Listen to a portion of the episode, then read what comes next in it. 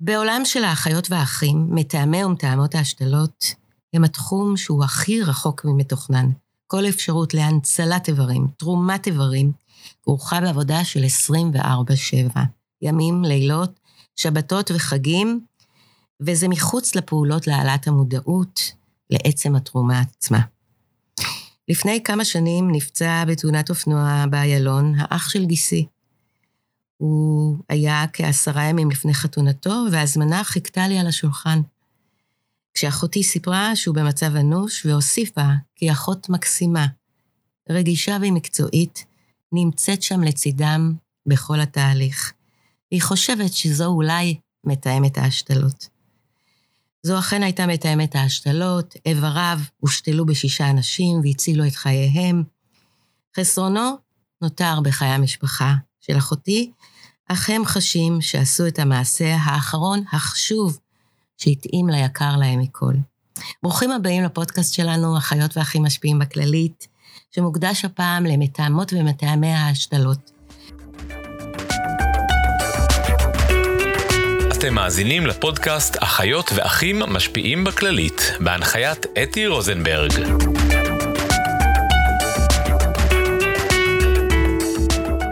יש רבים ורבות כאלה בכל המוסדות שלנו בישראל. אנחנו מארחים הבוקר שלוש מתאמות משלושת בתי החולים, כרמל, מאיר ובלינסון רבין. אז אה, בוקר טוב לדינה דש. בוקר טוב. שהיא תושבת כבול, אחות מזה כמעט עשור, בוגרת שיבא, ומתאמת ההשתלות של כרמל. בוקר טוב גם לרחלי ונונו, בוקר טוב. בוקר טוב. רחלי היא אחות כ-30 שנה, היא תושבת צורן, היא אם לחמישה, והיא בוגרת מאיר. ובוקר טוב לתמי פינק. בוקר טוב. תמי היא תושבת נווה מונוסון יהוד, נשואה ואם לשניים, בוגרת דינה, כבר 32 שנים אחות. שלום לכולכן ובוקר טוב. שלום, בוקר שלום. טוב. תמי, איך, מה גרם לך להיות אחות? אבא שלי הוא אה, רופא, אה, ואימא שלי היא אשת חינוך. ונרשמתי לשלוש מקצועות אה, לאוניברסיטת תל אביב, והתקבלתי לביולוגיה. והחלק האהבה שלי העיקרית זה היה הספורט, וכל החיים עסקתי בספורט, והתקבלתי לווינגייט, ונרשמתי לבית ספר לסיעוד אה, דינה. אוטוטו מתחילים הלימודים, והשאלה הענקית, מה אני רוצה להיות uh, כשאני אהיה גדולה. Uh, אחרי הרבה התלבטויות, uh, קצת חקרתי על המקצוע, והלב שלי אמר uh, לסיעוד. התחלתי ללמוד, וראיתי ונחשפתי לכל כך הרבה תחומים, ואמרתי, וואו, אני יכולה להיות עם מקצוע אחד, אבל בעצם רכשתי כל כך הרבה מקצועות. אני יכולה להיות אחות טיפול נמרץ, ואני יכולה לעבוד בפסיכיאטריה, ואני יכולה להיות מיילדת, ואני יכולה להיות בעצם עם אותו מקצוע, וכל תקופה להיות משהו אחר. זה מה שבעצם קרה לך? וזה מה שקרה לי. וזה מה שהלב שלי אמר לי, בעקבות זה, לכי לסיעוד. וכך באמת, מהניסיון שלי, אני התחלתי בתור אחות טיפול נמרץ, ואני עברתי ועבדתי אה, באם ועובר, ומתוך אם ועובר התעסקתי במחקר, ולאחר מכן מתאמת השתלות, וגם בכל תחום הייתי חשופה להרבה מאוד תחומים. אז בעצם יש לנו כובע אחד עם מיליון תחומים. ואת חושבת שזה קשור, זה שבעצם את כל כך אהבת פעילות גופנית, לעובדה שאת הלכת לאקשן של העולם המקצועי שלנו? אני חושבת שיש לזה משמעות ורגישות וקשר הדוק. זה גם קשור ל- להיות מתאמת השתלות, לאינטנסיביות הזאת? אני חושבת שקודם כל האינטנסיביות של טיפול נמרץ, ומתוך טיפול נמרץ אה, יש אה, אחות שאני חושבת שכל פעם שהיא נכנסה ליחידה, אני נדבקתי אליה, וזאתי אה, רחל מיכוביץ', שהיא הייתה בעצם מתאמת ההשתלות הראשונה של אה, בית החולים, וכל כניסה שלה ליחידה עוררה בי עוצמה ורגש, ושאני יודעת שאני מטפלת באדם שהוא עם מצב קשה, עם נזק מוחי שהוא בלתי הפיך, ואני רואה שאחות מנהלת בעצם את כל הטיפול בו. וחלק מהמוטיב שלי, שיום אחד אני אהיה אדם כזה, אחות כזאתי, זו באמת רחל מיכוביץ'. איזה השראה הייתה לך? באמת השראה משמעותית. רחלי, איך זה היה אצלך? אצלי, אה, לבחור במקצוע האחות, השתחררתי מהצבא אחרי שלוש וחצי שנים, הייתי בחיל האוויר, בקרה אווירית, ויצאתי ככה לאזרחות, ואמרתי, מה אני עושה? אז חיפשתי משהו שיהיה בו עניין, וכל הזמן חשבתי על התחום שאני צריכה להיות גם אשת משפחה. זה תמיד היה כזה בראש שלי. אז אמרתי, יאללה, נלך למקצוע הסיעוד. גם אני אוכל, אה, אה, שהוא מקצוע מרתק ועם הרבה עניין, וגם אני אוכל לגדל את הילדים שלי, והייתי רווקה, וחשבתי כבר על העתיד. וככה נכנס, ואז חיפשתי בית ספר לאחיות שהוא בקורס של אימהות, שאני אוכל לגוון ולבסס את ההחלטה שלי. ונרשמתי למאיר, שם היה בית ספר לקורס לאימהות, עם כל החופשים. הייתי הרווקה כמעט היחידה שם, ובמקביל עבדתי בבית ספר אורט בכפר סבא, וניהלתי את כל לימודי הערב של המבוגרים. מדהים. כן. ובאורט אה, כל כך רצו שאני אשאר שם בסיום הלימודים, ככה לאורך הארבע שנות לימודים. הייתי אחרי הבית ספר, מסיימת בשתיים, הולכת לאורט מארבע תשע, מנהלת את כל הבית ספר, וחוזרת אה, ללמוד אה, לתוך הלילה כדי להצליח בבחינות. וכשהגיע סוף הארבע שנים של לימודי הסיעוד, אמרתי, אין, אפשר, אין מצב שאני הולכת למשהו אחר. זה המקצוע שלי, זו ההחלטה שלי, טיפול נמרץ כללי. עוד אחת שהתחילה בטיפול נמרץ. כן, התחלתי באקשן. האמת היא שרציתי מאוד מאוד פגייה, ובאמת היו חסרות שם אחיות, אבל לא יכולתי לעבוד בגלל שהבעל שלי עבד באותה חטיבה. אז הציעו לי טיפול נמרץ כללי, ונכנסתי לשם, התאהבתי במקום, בצוות, במקרים הקשים, וגם הייתי קרובה כל הזמן לתחום של ההשתלות, כי חולה שבא, חולה מועמד להשתלה, אז הוא נמצא בטיפול נמרץ כללי, ושם האחיות הן המנהלות של הטיפול בחולים, בכל החולים ובפרט בחולים האלה. והרגשתי שזה המקום שלי, ולא חיפשתי שום דבר אחר מלבד להיות אחות בטיפול נמרץ. לצד זה למדתי תואר ראשון ושני וקורסים על בסיסיים, וכשהילדים גדלו והתחילו לצאת מהכן, אה, אז התחלתי לחשוב על ההתפתחות שלי הלאה, ואז אה, זכיתי במכרז כמנהלת תורנית, שזה נקרא אחות כללית, והניה, שהיא הייתה אחות ראשית, אז אמרה לי שהחלק השני של התפקיד שלי יהיה מתאמת ההשתלות, שזה הכי מתאים לי. ואז אמרתי, רגע, רגע, אבל אני צריכה לחשוב מה יהיה עם המשפחה שלי, אני צריכה שהכל יהיה מתוכנן, ושהכל יהיה... ופה שום דבר לא מתוכנן, אתה יכול בצ'יק, בארוחת חג לקום ולצאת משולחן החג.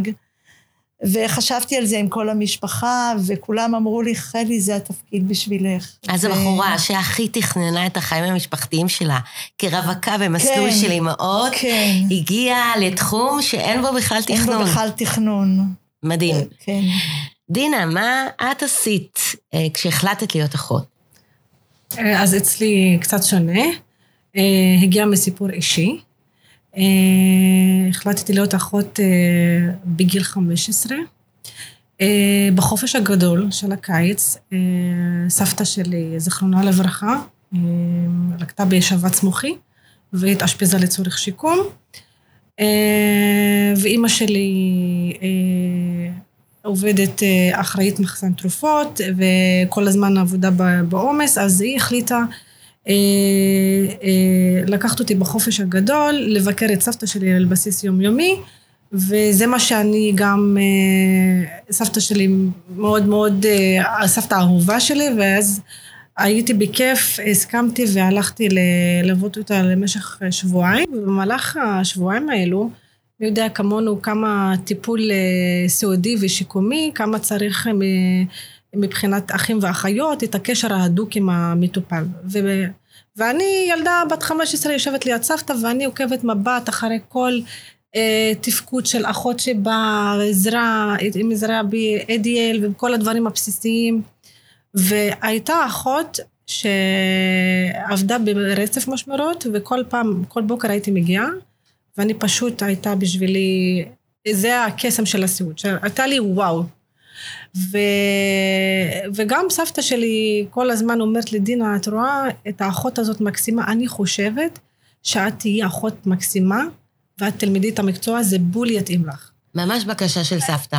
מה שאמרה לי ככה, ואני גם, שראיתי כמה אחות, כולה נתינה ואכפתיות ורגישות לסבתא שהכי אהובה, ואני רואה את זה מהצד, זה באמת ריגש אותי באותו, באותו יום, אחרי האשפוז של סבתא, ואמרתי, זהו, אני רוצה להיות אחות. אני הולכת ללמוד את המקצוע הזה.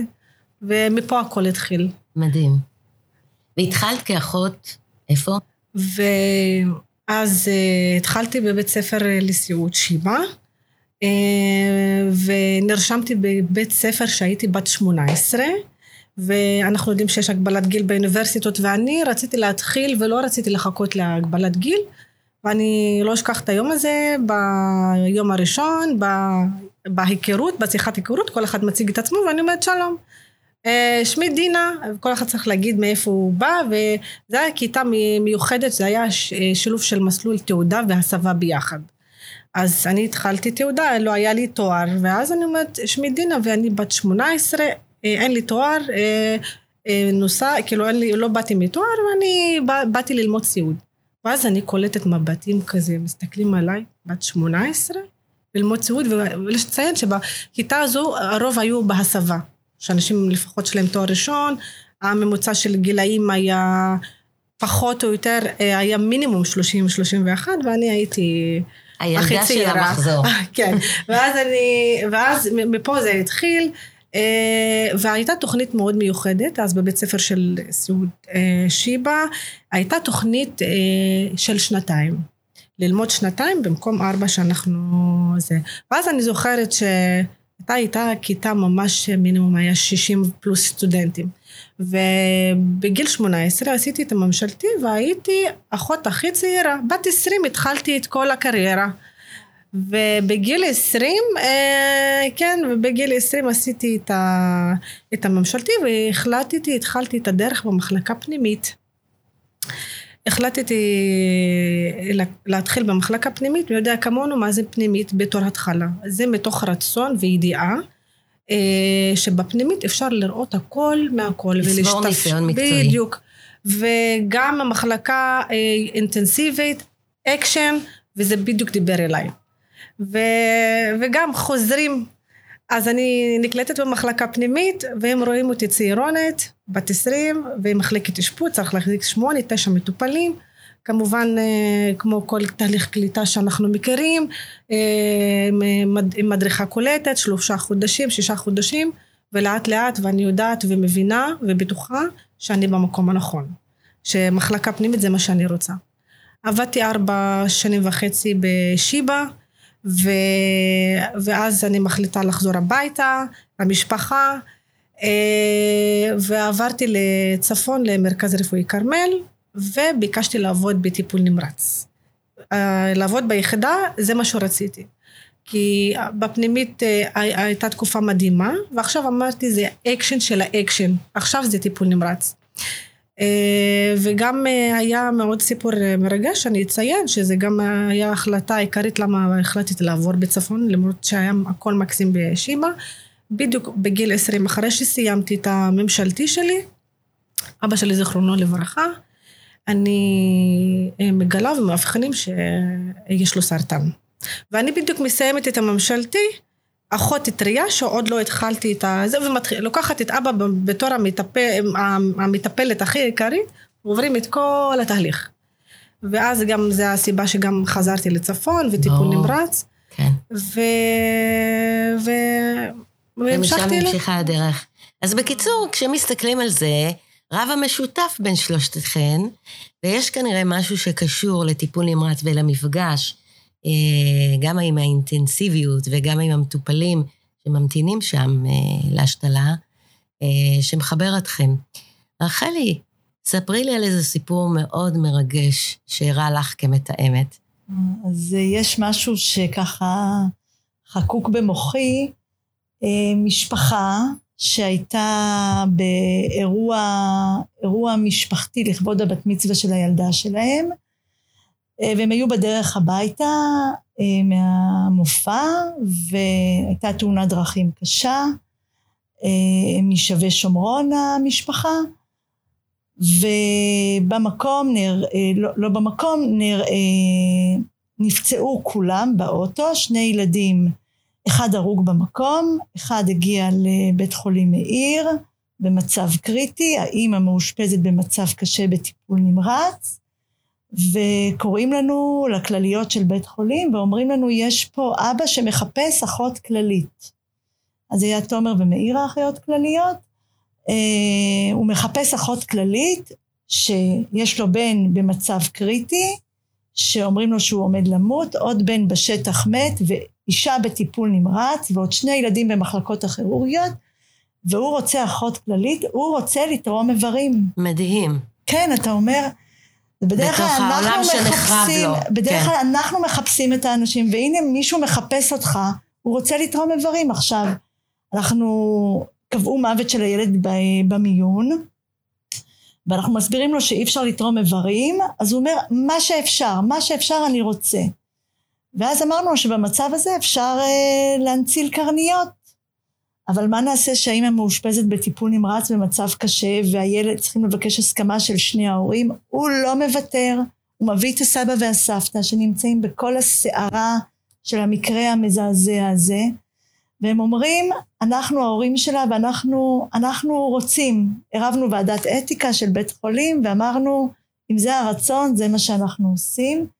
קראו לשני הילדים שלהם שנהרגו בשמות של אור, רועי ואורי, והנצלנו את הקרניות, והוא כל הזמן אמר שאני רוצה להשאיר זיכרון, אני רוצה שאיזה סבא יראה בזכות העיניים של הילד שלי. אני רוצה שאיזה ילדה תראה בזכות העיניים של הילד שלי, ובאמת זה, הקרניות הושתלו בסבא ובילדה, שכמעט ולא ראתה כלום, והראייה שלה השתפרה לאין ארוך. ולאחר חודש שהאישה התאוששה, ישבתי איתה המון במחלקת טיפול נמרץ, היא הייתה בהכרה, והיא אמרה, את יודעת חלי, ככה משפטים שחקוקים לי, שהכי קשה זה הרגע שצריך לתת. אבל אם היית במקום של מישהו שצריך לקבל, היית הכי רוצה לקבל. והיום אני ברגע של לתת, והגשמנו את זה, את הרגע של הלתת. וזה משהו שככה מלווה אותי כל הזמן, את העוצמות נפש של המשפחות, בשעות הכי קשות, שאתה לפעמים פוחד לגשת אליהם, אתה אומר, רגע, מתי, מתי הכי נוח לגשת בתוך אליהם? ההלם. בתוך ההלם, הרי זה משהו שהוא לא חלית ואתה באיזה תהליך של אובדן או... משהו מתוכנן. כן, אתה במשהו שקורה לך באמצע החיים, מתוך בריאות שלמה, ומתוך זה לקום, לעמוד ולרצות לעזור למישהו אחר, זה משהו שאני חושבת... נפש. אה, שזה עד היום מלווה אותי, והם בכל חנוכה מגיעים למחלקת ילדים עם עגלה, ומפיצים את האור של הילדים שלהם. לגמרי כן. נשאר באור. ריגשת מאוד. תמי, ספרי לנו. אה, לבחור באמת אה, מקרה אצלי, אני חושבת שזה כבד, כי יש אין ספור מקרים, אה, אם זה מהשנה האחרונה, ואם זה בכלל כל השנים, העשור, אני מתאמת השתלות ממש החודש עשר שנים.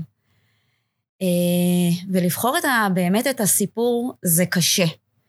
אבל אנחנו נצטרף למשפחה האחרונה, שתחילת החודש, אה, בחורה צעירה, בת 34, שאמורה לקבל רב סרן בצבא, נפרדת מבעלה ומתינוק בן שנתיים, אה, ויוצאת לעוד יום אה, עבודה.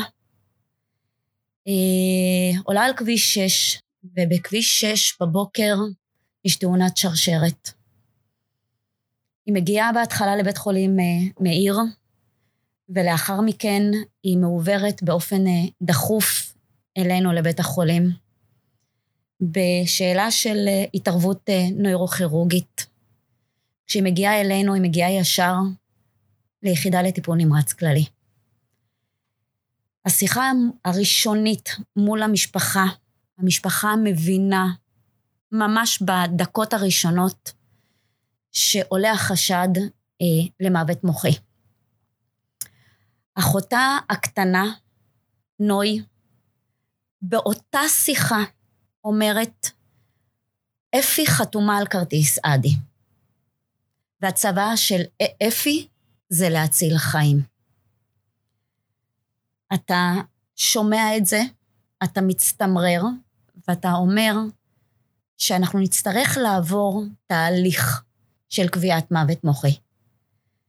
אנחנו עוד בצד של לקבוע, והמשפחה באמת משפחה נדירה, שמאה אחוז מהמשפחה חתומים על כרטיס אדי.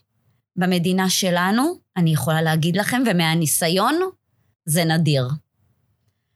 אנחנו עוברים את כל התהליך של מיפוי, ולאחר מכן ועדה, ובפה אחד שלם, כל המשפחה אומרת כן להצלת חיים. אפי מצילה חיים של שבעה אנשים. לב, ריאות, כבד, כליות ושתי קרניות. החלק גם המרגש בתוך הסיפור, שבטיפול נמרץ, מצד אחד יושבת תורמת, ומצד השני של טיפול נמרץ יש בחור צעיר שנמצא על אקמו, שריאותיו, היא תורמת את הריאות שלה לאותו אה, בחור. החלק הרגשי שלי זה חלק קשה שאני לא יכולה לעבור לצד השני. לא שפיזית אני לא יכולה, אבל רגשית, מהחלק שאתה מצטרף לאותה משפחה, ועד שאתה מסיים את כל התהליך, החלק של התורם הוא לא נוגע אליי. ואני כל כולי נמצאת בליווי של המשפחה, לעטוף אותם, לחבק אותם, ולעשות איתם תהליך של פרידה עוצמתי ומרגש.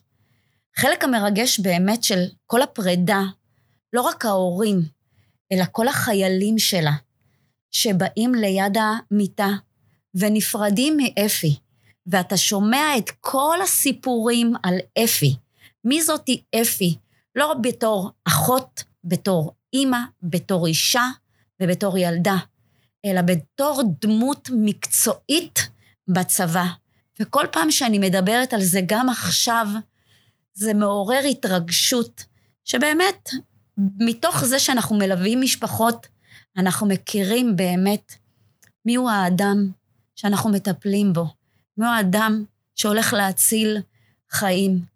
ואנחנו מקווים שבאחד מן הימים אנחנו נעשה מפגש, ובאמת, גם האנשים שהיא הצילה יכירו באמת את אפי. תודה, תמי. אני, אני לא יודעת אם אני אשרוד עד סוף הפודקאסט הזה, נכון?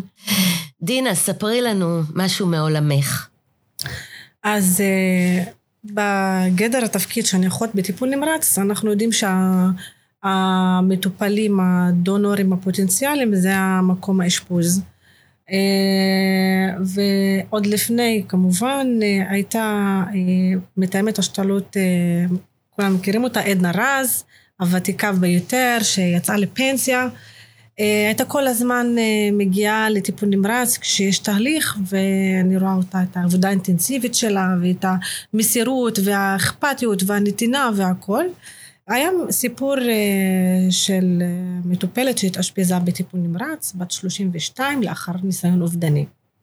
המטופלת שהייתה באשפוז הייתה תחת ההפקדה שלי בתור אחות בטיפול נמרץ. ומי כמונו יודע כמה אה, המטופלים, אה, הדונורים הפוטנציאליים שמאושפזים בטיפול נמרץ, כמה אה, טיפול אינטנסיבי ורגיש שצריך. ואז אני הייתי כל הזמן עוקבת מבט, גם, גם שאני עכשיו יכולה, זה הזמן לצאת להפסקה ואפשר לצאת, אני הייתי מחליטה אה, להישאר ולראות מה, מה, איך, היא, איך היא מתפקדת. והיה סיפור מאוד מרגש, כי הבחורה הייתה בת 32, אה, והיא חד-הורית. אימא שלה הייתה כל הזמן אה, לצידה, והיה גם אה, סיפור מאוד מאוד מאוד עצוב. אה, וניהלה את התהליך, אה, זה היה משמרת ערב, ואנחנו מסיימים משמרת אה, ב-11 וחצי, ועדנה כמובן המתאמת אה, נשארים 24-7 ולכל, עד מתי שצריך. ו...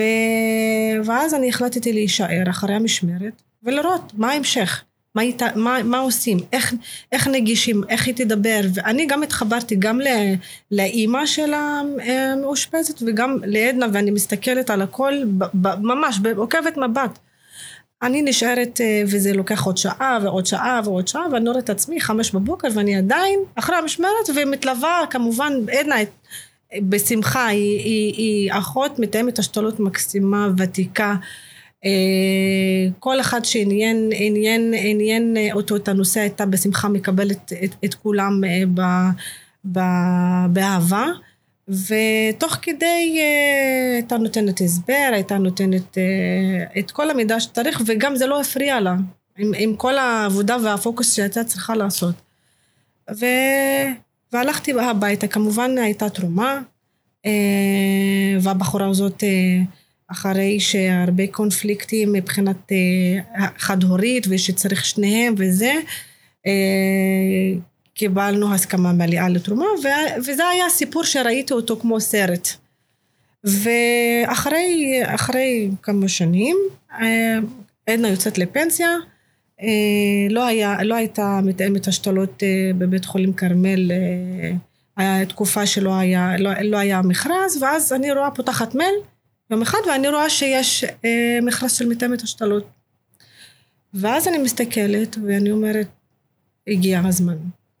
אני רוצה להיות מתאמת השתלות. איך שאני רואה את הפרסום של המכרזים, אני אומרת, אני רוצה להיות מתאמת השתלות. התפקיד הזה, אני רואה בעצמי נתינה, זה, זה, אני רוצה להיות במקום הזה, אני כל כך התחברתי, כל כך, כל כך ההשראה של עדנה בתפקיד דיברה אליי.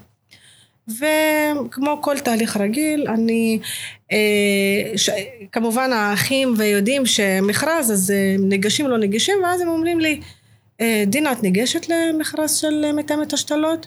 ואני אומרת, כן, אני, אני רוצה. ואז אומרים לי, אבל את צעירה. את יודעת את המשמעות של התפקיד, את הקושי, את הרגשי, הנפשי, הזמינות, אה, לדבר עם המשפחות והכל. עכשיו, אני מדברת מהלב הפנימי שלי. אני ראיתי את זה עוד שנה אחורה וכמה שנים. ולעולם, אה, מאז תחילת דרכי, כמו שציינתי בהתחלה, עד עכשיו, גיל לא היווה בפניי מחסום. ואני אומרת, אפשר להתגבר על כל קושי, אם אנחנו אוהבים את מה שאנחנו עושים, אם אנחנו מכוונים מסלול, וזה מה ש... אני הייתי בחורה כל הזמן, גם מהבית מכוונת מסלול. אני יודעת מה אני רוצה, אני הייתי מתכננת. אם plan A, תוכנית א', לא הולכת, תמיד היה לי משהו ב standby שאני, תמיד יהיה לי מה לעשות, ואז אני אמרתי, אני ניגשת, אף עדיף מלוותר ולהגיד לא. תודה, דינה. תמי, איך את שומרת על הבריאות הנפשית שלך כשחושבים על העבודה שלכן המתאמות, שהיא קשורה גם בעומס רגשי, עומס פיזי, זמינות ו-24-7, אה, והימצאות לצד אנשים בשעות הקשות שלהם, מה את עושה כדי לעמוד בזה? כי את עושה את זה כבר עשר שנים. הדרך באמת שמובילה אותנו לשמור על עצמנו זה קודם כל לאהוב באמת את מה שאנחנו אה, עושים. הסיפוק מהעשייה מגן הס, עלייך? הסיפוק מהעשייה, והסיפוק באמת מהדרך שאנחנו עושים ומהפידבקים מהמשפחות. כל תהליך שיכול להימשך שלושה, ארבעה ימים, הוא בעצם מסתיים בביקור שלנו אצל המשפחה בשבעה. אני נותנת מכתב תודה ממני, מטעם בית החולים, מכתב מטעם המרכז הלאומי להשתלות. שנזכיר אנחנו... שמנהלת אותו האחות, דוקטור תמר אשכנזי. אה, ובו אנחנו בעצם מעניקים את יציקה של סמל אדי, שבו אה, כתוב במותו הציל חיים, במותה הצילה חיים. וזה בעצם המעמד שאנחנו מקבלים בעצם את כל החיבוק מהמשפחה בחזרה. המשפחות האלה הן משפחות שלנו לעד. והחלק המרגש באמת ושומר עלינו, זה כל חג אתה מקבל מהם שנה טובה, תודה על הדרך, תודה על הזמן שהקדשתם לנו, על הרגישות, על הזמינות, ואני חושבת שזה החלק העיקרי. יחד עם זה, לי יש את החלק, ואני הזכרתי אותו בהתחלה, אני לא אגיד שאין מקרים שהם קשים, ואנחנו בוכים, אם זה ליד המשפחה שזולגות דמעות, כי זה החלק האנושי שלנו והחלק הרגשי שלנו. כששתי בנות נפרדות מאימא שלהם. וכן, בסוף היום אני יכולה למצוא את עצמי מגיעה הביתה, עולה על בגדי ספורט ויוצאת לרוץ ולאוורר, ותוך כדי לשיר, כן, לא שירים שהם אה, עם פול ווליום, אבל שירים שהם נוגעים, וזה החלק של הוונטילציה. אחרי כן להגיע הביתה, לשים את הראש ולדעת שמחר יש ועדה. אה, יש יום חדש. ויש יום חדש. רחלי, מה את עושה? אוי, לצד הקושי, יש המון המון קושי, ואני חושבת שגם נעשיתי קצת יותר עצובה מאז שאני מתאמת השתלות. זה כן משפיע. זה משפיע, זה משפיע, אה, וכל הבית שלי עם זה, הבית שלי חי את זה. אה, אבל יחד עם זאת יש המון אור, המון... אה, אתה מגלה משפחות שאתה אומר, וואו, איזה משפחות. לא פעם אני שמה את עצמי אפילו לשנייה, אה, ככה במקום המשפחות. כדי להבין? כדי להבין, למשל לפני שבוע קיבלנו מישהו מאזור השרון, בן 16-14 עם גשר בשיניים, הגיע תוך כדי פעולות החייאה, מת לבית חולים. אתה אומר, מה אני הולכת עכשיו לבשר לאימא שלו? כאילו, איך היא תגיב? איך היא...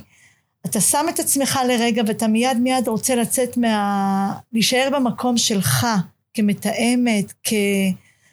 ויחד עם זאת יש לנו גם המון המון תמיכה מהמרכז להשתלות, שמביא לנו המון סדנאות, ואנחנו נפגשים כל חודש, וכן מציפים את הבעיות שעלו, ואת ה... העובדה שאתן ביחד עוזרת לכם? מאוד, אנחנו גם אחת לשנייה. אני יכולה ככה להתקשר לתמי, או תמי יכולה להתקשר אליי, או לדינה, או לכל אחת אחרת, ואנחנו גם, אה, שתמר אה, כותבת, הלילה הייתה תרומה, אז אנחנו, או יש כתבה, אנחנו מפרגנים לאותה מתאמת, ואנחנו... בתוך התפקיד הבודד יש הרבה ביחד? כן. כן. דינה, איך, מה את עושה כדי לשמור על הבריאות שלך? אז uh, אני מחזקת את הדברים של חילי. Uh, אני יכולה להגיד שאני, uh, לא היה יכול להיות ממש יותר קל לי אם לא היינו מקבלים את התמיכה העיקרית מהמרכז הלאומי של להשתלות בניהולו של דוקטור תמר אשכנזי. ובמיוחד בתור אה, אה, מתאמת שאני לציין שאני מזה שנה ובשנה הראשונה ובתחילת הדרך יש תמיכה אינטנסיבית. האם זה בסדנאות האם זה בקורסים האם זה בהכשרות אה, ודוקטור תמר אשכנזי דואגת להביא את האנשים כמו תמיד הכי מקצועיים הכי הכי מיומנים שיש על מנת לתת לנו הרצאות אה, דרכי התמודדות, קונפליקטים ואיך אה, חושפת אותנו ממש גם, כלים? יש כלים, הכל, וכמובן את הזמינות של, כמו שאמרה חלי, אה, שיחות אישיות, אם אני מרגישה שרוצה לשתף, אני מרימה טלפון, וגם מה שאני אשתף מה שקרה בשבועיים האחרונים, שגם סיפור שהגיעה ילדה בת 11, תחת החייאה מהבית אה, עם אימא שלה ותחת החייאה וקבעו מוות נפטרה.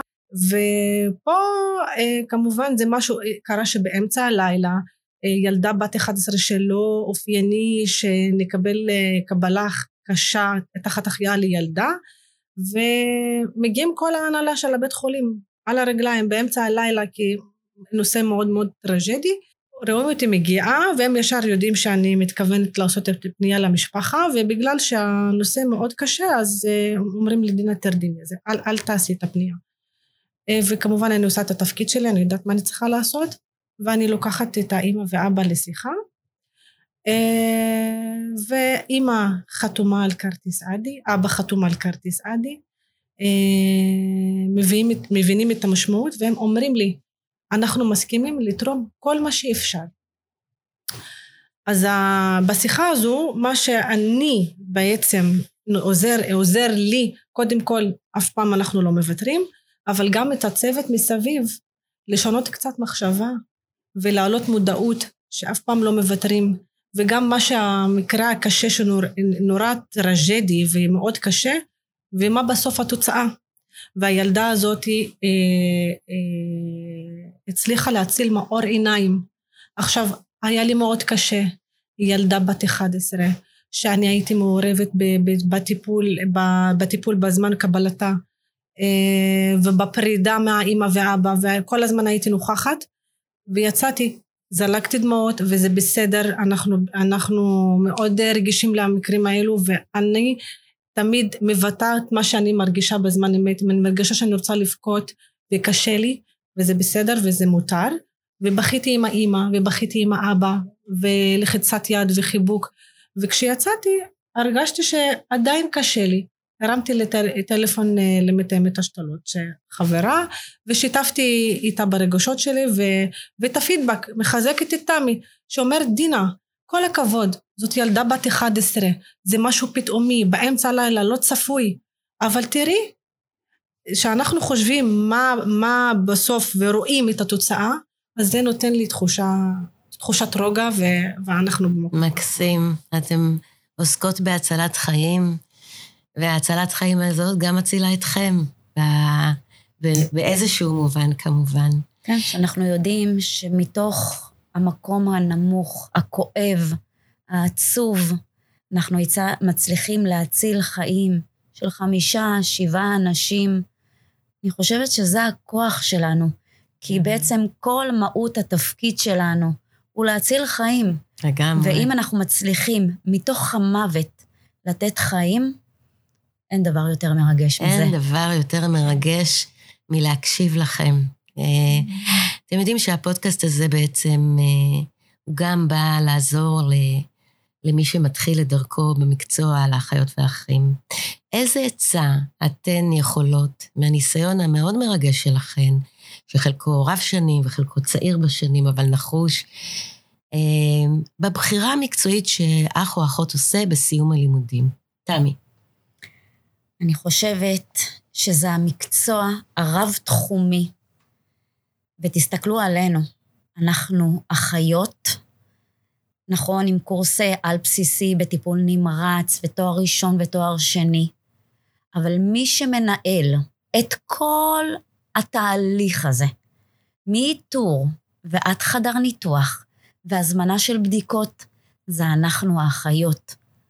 אנחנו עושות את זה באופן עצמאי, וכמו ששמעתם, תורמי האיברים, הם יכולים להיות קשים וקשים ביותר. ובזכות הידע שלנו ובזכות המקצועיות שלנו, אנחנו יכולים להגיע ולהציל חיים. את אומרת לאנשים צעירים שמתחילים את דרכם במקצוע, אתם תוכלו להגיע לעמדות של השפעה, מקצוענות וידע בתחומים רבים, והתחום שלכם הוא דוגמה לזה. ממש ככה. רחלי. אני אומרת שב... בכל מקום שנמצאת אחות, הרגשתי ככה מתחילת אה, דרכי המקצועית, אנחנו שומר הסף של החולה. ויכול להיות רופא הכי טוב בעולם, אבל אם אין לידו אחות אה, מקצועית וטובה, זה לא שווה שום דבר. והיה לי מנהל מחלקה בטיפול נמרץ, דוקטור אולצפנגר, שדגל בשיטה הזו, והאחיות היו עבורו הרבה יותר מהרופאים, כי אנחנו סך הכל נמצאים 24-7 סביב החולה, וסביב המשפחה שהיא חלק בלתי נפרד, ושאפשר להגיע לאן שאת חולמת. כאילו אני חלמתי להיות אחות כללית והגעתי לזה עם כל הגידול המשפחה והילדים והמורכבות של החיים לפעמים. אתה יכול להגיע למה שאתה רוצה. דינה, מה את אומרת לאחות או אח צעיר? עכשיו מסיים את הלימודים וצריך לבחור לאן ללכת.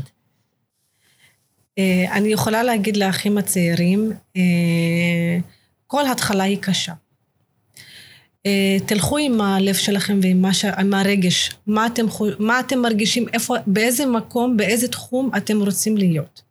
כמו שאמרה תמי, זה תחום הסיעוד, זה ריבוי מחלקות, ריבוי תחומים, ילדים, גריאטריה, פסיכיאטריה וכולי. תלכו עם הלב שלכם ואיפה אתם רואים את עצמכם. כי איפה שאתם מרגישים שאתם נמצאים עם הלב שלכם, אתם תצליחו בכל דרך. ועוד עצה שאני אה, נותנת, אל תוותרו. ותמיד ידע זה כוח. אנחנו מתחילים צעירים, טריים, ופה רק תחילת הדרך. תמיד אפשר ללמוד עוד ועוד ועוד, וככה אנחנו מתבגרים גם מבחינה מקצועית, גם מבחינה אה, נפשית, ומכל הבחינות. אז אה, לא לוותר, ויש משפט אה, שאני תמיד אה, דוגלת מגיל קטן, לעולם אין לדעת לאן תוביל דרכך. אני כשהתחלתי בגיל מאוד צעיר, לא ידעתי שהיום אני אהיה במעמד של מתאמת השתלות. אז זה פשוט מחזק תמיד, וגם לא יודע מה יהיה בהמשך. אין לדעת. אז תודה. אנחנו לקראת סיום הפודקאסט שלנו, אני לא חושבת שיש מישהו שיצא מהפודקאסט בלי להבין איפה נמצא הלב שלכם וגם הראש שלכם. אה, ואני רוצה לשאול מי השפיעו על דרככם. זה יכול להיות בית, זה יכול להיות מקורות. שמענו כאן על כמה אנשים. רחלי, מי, לראש מש... על מי את הולכת? חד משמעית אבא שלי. ספרי הנת... למה. הנתינה, העזרה לאחר, תמיד לראות מה האחר צריך, ועם זה ככה אני ממשיכה. את ממשיכה את דרכו של כן, אבא? זיכרונו לברכה, כן. חד משמעית. בוודאי מהמקום שבו נמצא גאה בך. כן. כן. תמי? אה, ממש ב... מבחינה מקצועית, מי שבאמת אה, השפיע זה רחל, שאני אמרתי, יום מן הימים אני אגיע לעשות גם את התפקיד הזה. וזה כל הזמן הדווה לי את הדרך.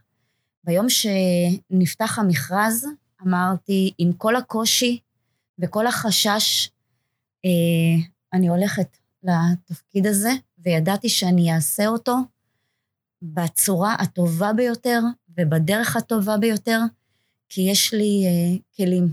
אני לא הגעתי אליו בתור אה, אחות אה, צעירה, אה, הגעתי אליו אחרי דרך של אה, גם אישית, גם מקצועית, אבל באמת, מי שנתן לי את, ה, את הפתח הזה, זה היה הבית שלי.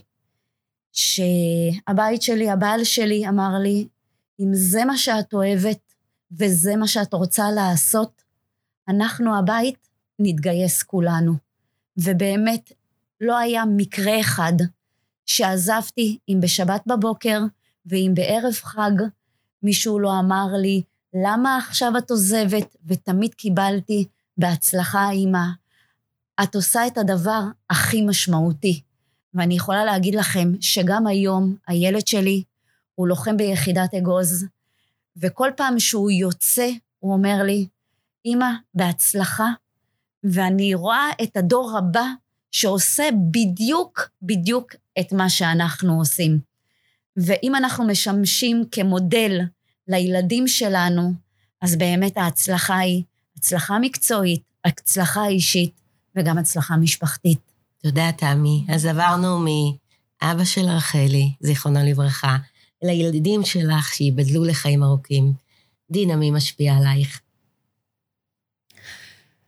אה, ההשראה שלי, קודם כל, אה, זו הייתה אימא שלי, אה, שהיא פתחה לי את הדרך ונתנה לי לראות הכל מקרוב, עם הסיפור מתחבר עם הסבתא. והיה את המחשבה, ומי שנתן לי את ההשראה, וזה זה, זה אבא שלי, זיכרונו לברכה. לכן יש לנו סיפור משותף. אה, לא אשכח את היום אה, שאבא שלי ממש לקח את היד שלי כמו ילדה קטנה והביא אותי לבית ספר לסיעוד ועשינו את ההרשמה ביחד. והוא אומר לי, אנחנו עושים את ההרשמה היום, שנת 2012, ומפה מתחילים דרכייך. את מסיימת להיות אחות, בהצלחה ולא היה לו ספק. הוא כל כך נתן לי את הביטחון ואת האמונה והאמין בי יחד עם אמא שלי.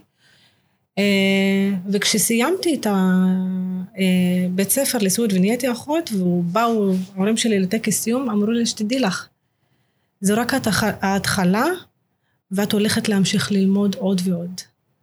ואת ההשראה של המשפחה וגם את הרצון כמובן שלי, כי לא הייתי, אם לא היה לי רצון לא, יכול, לא יכולתי להצליח בשום דבר. אז uh, תמיד רציתי שאבא שלי ואימא שלי יהיו גאים uh, במה שעשיתי ובמה שאני אהיה ובמה שאני עכשיו.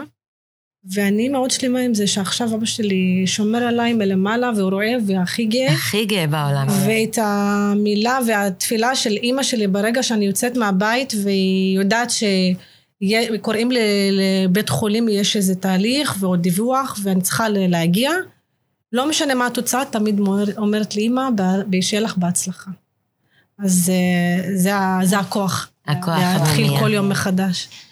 אני מאוד רוצה להודות לכן, מתאמות ההשתלות של בתי החולים כרמל, מאיר ובלינסון, מרכז רפואי רבין, על שבאתם בעצם לתת לנו טעימה קטנה מחיים אינטנסיביים, שרב הבלתי מתוכנן בהם על המתוכנן.